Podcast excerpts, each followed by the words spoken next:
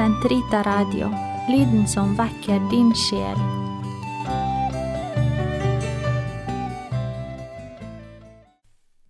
Vi er nå kommet til det annet avsnitt i tredje delen i kompendiet, De ti bud. I kateketisk tradisjon så lyder det Jeg er Herren din Gud. Du skal ikke ha andre guder enn meg. Du skal ikke vanære Guds navn. Du skal holde hviledagen hellig. Du skal ære din far og din mor. Du skal ikke slå i hjel. Du skal ikke bryte ekteskapet. Du skal ikke stjele. Du skal ikke vitne falskt mot din neste. Du skal ikke begjære din nestes hustru. Du skal ikke begjære din nestes gods. De ti bud finner vi både i annen Mosebok kapittel 20 og i femte Mosebok kapittel 5. Mester, hva godt må jeg gjøre for å oppnå det evige liv? Se Matteusevangeliet, kapittel 19, vers 16. Jesus sier til den unge mannen som stiller dette spørsmålet, vil du virkelig gå inn til livet, så hold budene. Og så føyer han til, kom så og følg meg. Se Matteus evangeliet kapittel 19, vers 16 og 21. Å følge Jesus innebærer å holde budene. Loven har ikke blitt avskaffet, men mennesket oppfordres til å gjenfinne den i den guddommelige mesters person. Han som oppfyller den fullkomment i seg selv, åpenbarer hele dens betydning og vitner om dens e- varige gyldighet. Hvordan tolker Jesus loven? Jesus tolker loven i lyset av det dobbelte og ene kjærlighetsbud, fylden av hele loven. Du skal elske Herren din Gud av hele ditt hjerte, av hele din sjel og av hele ditt sinn. Dette er det første og største bud. Men det annet er det første likt. Du skal elske din neste som deg selv. På disse to budene hviler hele loven og profetene med. Se Matteusevangeliet kapittel 22, vers 37–40. Hva betyr dekalog? Dekalog betyr ti ord. Se annen Mosebok, kapittel 34, vers 28. Disse ordene oppsummerer loven gitt av Gud til Israels folk i sammenheng med pakten gjennom Moses. Dekalogen inneholder budene om kjærlighet til Gud, de tre første, og til vår neste, de andre syv. Den viser for det utvalgte folk og for hver enkelt veien til et liv befridd fra syndens slaveri. Hva er forbindelsen mellom dekalogen og pakten? Dekalogen blir forståelig i lys av pakten, hvor Gud åpenbarer seg og kunngjør sin vilje. Vi overholder budene uttrykker folket sin tilhørighet til Gud og svarer i takknemlighet på Hans kjærlighetsfulle handling. Hvor viktig er dekalogen for Kirken? I trofasthet mot Skriften og Jesu eksempel anerkjenner Kirken dekalogens viktige og fundamentale betydning. Kristne er forpliktet til å overholde den. Hvorfor utgjør dekalogen en organisk enhet? De ti bud utgjør en organisk, udelelig hele, fordi hvert bud viser til de andre budene og til dekalogen som helhet. Å overtre ett bud er derfor å misligholde hele loven. Hvorfor er dekalogen alvorlig forpliktende? Fordi den bringer til uttrykk menneskets fundamentale forpliktelse overfor Gud og sin neste. Er det mulig å overholde dekalogen? Ja, fordi Kristus gjør oss gjennom sin ånds og sin nådes gaver i stand til å overholde dekalogen. Uten ham kan vi ingenting gjøre. Første kapittel Du skal elske Herren din Gud av hele ditt hjerte, av hele din sjel og hele ditt sinn. Det første bud, jeg er Herren din Gud, du skal ikke ha andre guder enn meg. Hva innebærer Guds utsagn Jeg er Herren din Gud? Se Annen Mosebok, kapittel 20, vers 2. For de troende innebærer det at en skal bevare og utfolde de tre guddommelige dyder, og unngå de synder som står imot dem. Troen holder fast ved Gud og forkaster dens motsetninger, som for eksempel frivillig tvil, vantro, kjetteri, frafall og skisma. Håpet venter tillitsfullt på den salige visjon av Gud og på Hans hjelp, og de unngår både fortvilelse og falsk trygghet. Kjærligheten elsker Gud overalt. Derfor må en unngå likegyldighet, utakknemlighet, lunkenhet, akadi eller åndelig dovenskap og hatet mot Gud som springer ut av stoltheten. Hva innebærer Herrens ord? Det er Herren din Gud du skal hylle, og ham alene du skal tjene. Se Matteusevangeliet kapittel 4 vers 10. Disse ordene innebærer å tilbe Gud som alle tings herre, at vi både som individer og som samfunnsvesener viser ham den ære som tilkommer ham, og tilbe ham i lovprisning, takk og bønn, og bringe ham offeret, fremfor alt vårt livs åndelige offer, i forening med Kristi fullkomne offer, og holde de løfter vi har gitt ham. Hvordan utøver mennesket sin rett til å ære Gud i sannhet og i frihet? Hvert menneske har rett og moralsk plikt til å søke sannheten, særlig hva Gud og Hans kirke angår, og etter å ha funnet den, gi den til sin tilslutning og i trofasthet ta vare på den. Slik ærer en Gud på en autentisk måte. Samtidig krever den menneskelige persons verdighet at ingen innenfor det religiøse området må bli tvunget til å handle mot sin samvittighet. De må heller ikke bli hindret i å følge sin samvittighet, privat eller offentlig, individuelt eller sammen med andre, innenfor den offentlige ordens rimelige grenser. Hva forbyr Gud med budet Du skal ikke ha andre guder enn meg? Se annen Mosebok, kapittel 20, vers 3. Dette budet forbyr politisme eller flerguderi og avgudsdyrkelse, hvor en skapning, makt, penger eller til og med djevelen blir æret i stedet for Gud.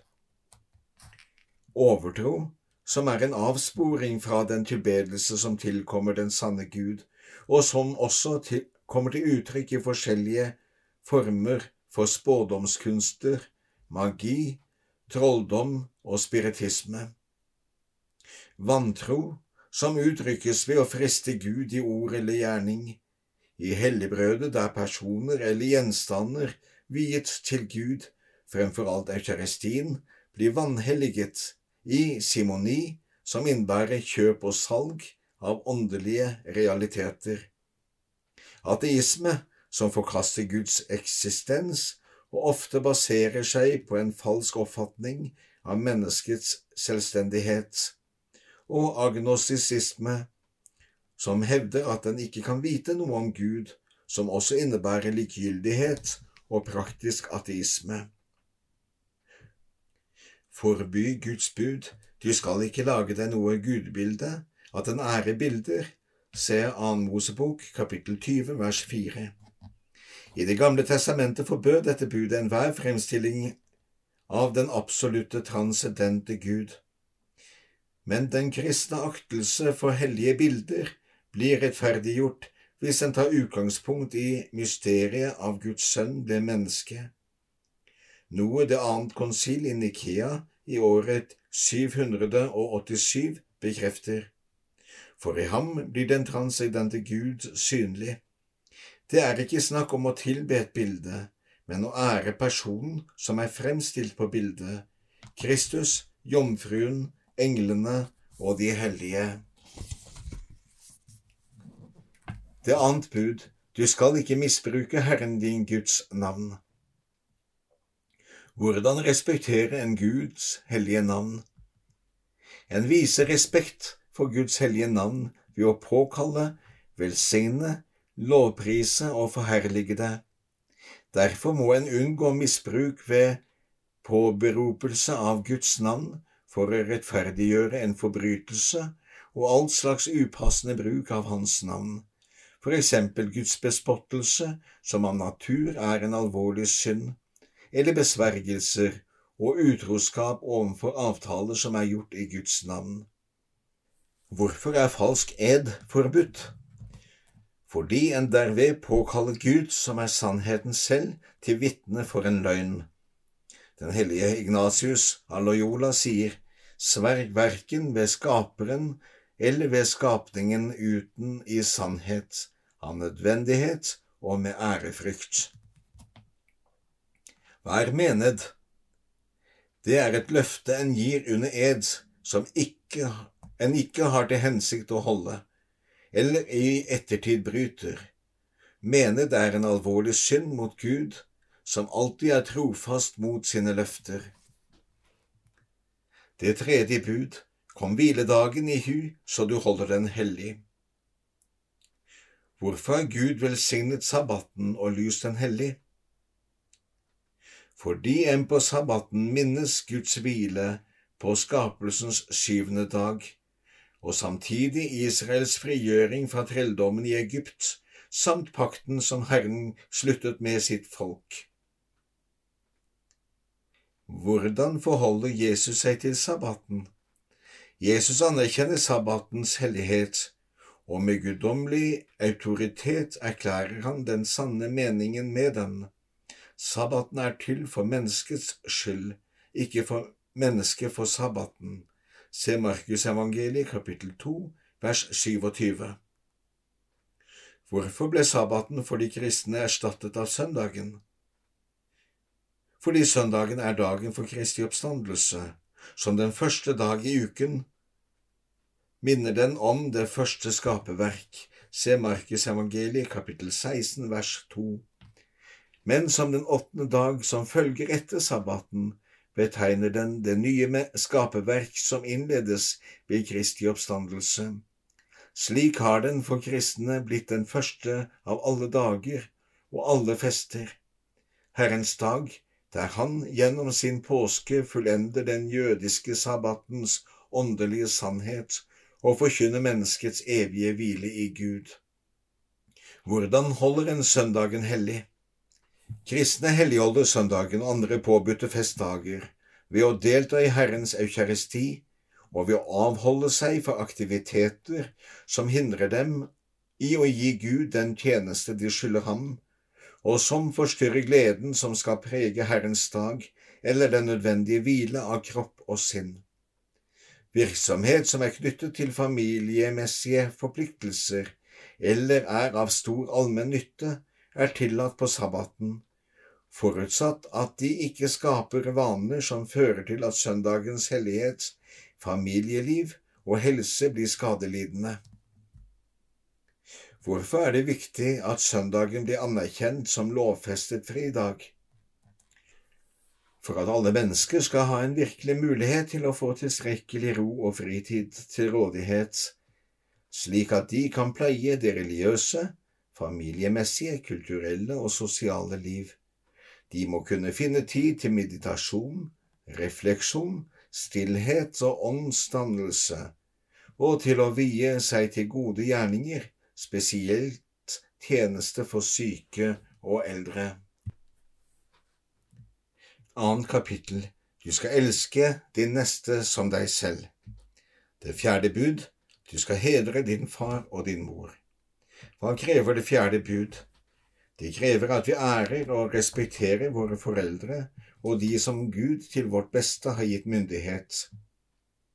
Hva er familiens natur ifølge Guds plan? En mann og en kvinne som er knyttet sammen ved ekteskap, utgjør sammen med barna en familie. Gud opprettet familien og ga den dens grunnleggende sammensetning. Ekteskap og familie er ordninger til beste for ektefellene, for forplantning og barneoppdragelse. Mellom medlemmene i en familie oppstår det personlige forhold og grunnleggende ansvar. I Kristus blir familien til en huskirke, for den er et fellesskap i tro, håp og kjærlighet. Hvilken plass inntar familien i samfunnet? Familien er samfunnslivets urcelle. Den går derfor forut for enhver anerkjennelse fra den offentlige myndighet. Familiens prinsipper og verdier danner grunnlaget for samfunnslivet. Familielivet er en innføring i samfunnslivet. Hvilke plikter har samfunnet overfor familien? Samfunnet har plikt til å støtte og styrke ekteskap og familie i kraft av subsidiaritetsprinsippet. De offentlige myndigheter må erkjenne, beskytte og fremme familiens sanne vesen, verne om den offentlige moral og sørge for velstand og trivsel i hjemmene. Hvilke plikter har barna overfor sine foreldre? Barna skylder sine foreldre respekt, pietas filialis, takknemlighet, føyelighet og lydighet. På denne måten, og også gjennom et godt forhold mellom søsken, bidrar de til økende harmoni og til hellighet i hele familielivet. I nød, sykdom, ensomhet eller alderdom må voksne barn bistå sine foreldre moralsk og materielt. Hvilke plikter har foreldrene overfor sine barn? Fordi de har del i det guddommelige farskap, har foreldre det fremste ansvar for barneoppdragelsen, og de er troens første forkynnere. De har plikt til å elske og respektere sine barn som personer og som Guds barn, og så langt som mulig sørge for deres legemlige og åndelige behov. De skal velge en egnet skole for barna og bistå dem med kloke råd ved valget av yrke og stand i livet. Særlig har de til oppgave å oppdra dem i den kristne tro. Hvordan oppdrar foreldrene barna i den kristne tro? Hovedsakelig gjennom sitt eksempel og gjennom bønn, familiekatekese og deltakelse i det kirkelige liv. Er familiebånd absolutte goder? Familiebånd, så viktige de enn er, er ikke absolutte. For den kristnes fremste kall er å følge Jesus og elske ham. Den som velger far og mor fremfor meg, er meg ikke verd. Se Matteusevangeliet, kapittel 10, vers 37. Foreldre må med glede godta at deres barn velger å følge Jesus i en hvilken som helst stand i livet, også i det vigslede liv eller i prestetjenesten. Hvordan bør myndighet utøves på forskjellige områder i det sivile samfunn? Myndighet må alltid utøves som en tjeneste med respekt for menneskets grunnleggende rettigheter, verdienes rette rangorden, lovene rettferdig fordeling av goder og subsidiaritetsprinsippet. Enhver som utøver myndighet, burde ha samfunnets interesser heller enn sine egne for øye. Avgjørelsene bør være inspirert av sannheten om Gud, menneskene og verden. Hvilke plikter har borgerne overfor de offentlige myndigheter? De som er underlagt autoritet, bør betrakte sine overordnede som Guds representanter og tilbør sin, sitt lojale samarbeid for at det offentlige liv og samfunnslivet skal fungere godt. I dette inngår kjærlighet til og innsats for hjemlandet, rett og plikt til å delta ved valg, betaling av skatt, forsvar av landet og retten til å komme med konstruktiv kritikk. Når skal en ikke adlyde offentlige myndigheter? En borger er i sin samvittighet forpliktet til ikke å adlyde offentlige myndigheters lover når disse er i motsetning til den moralske ordens krav. En må adlyde Gud fremfor mennesker. Se apostelgjerningene, kapittel 5, vers 29. Neste uke fortsetter vi med det femte bud, du skal ikke slå i hjel.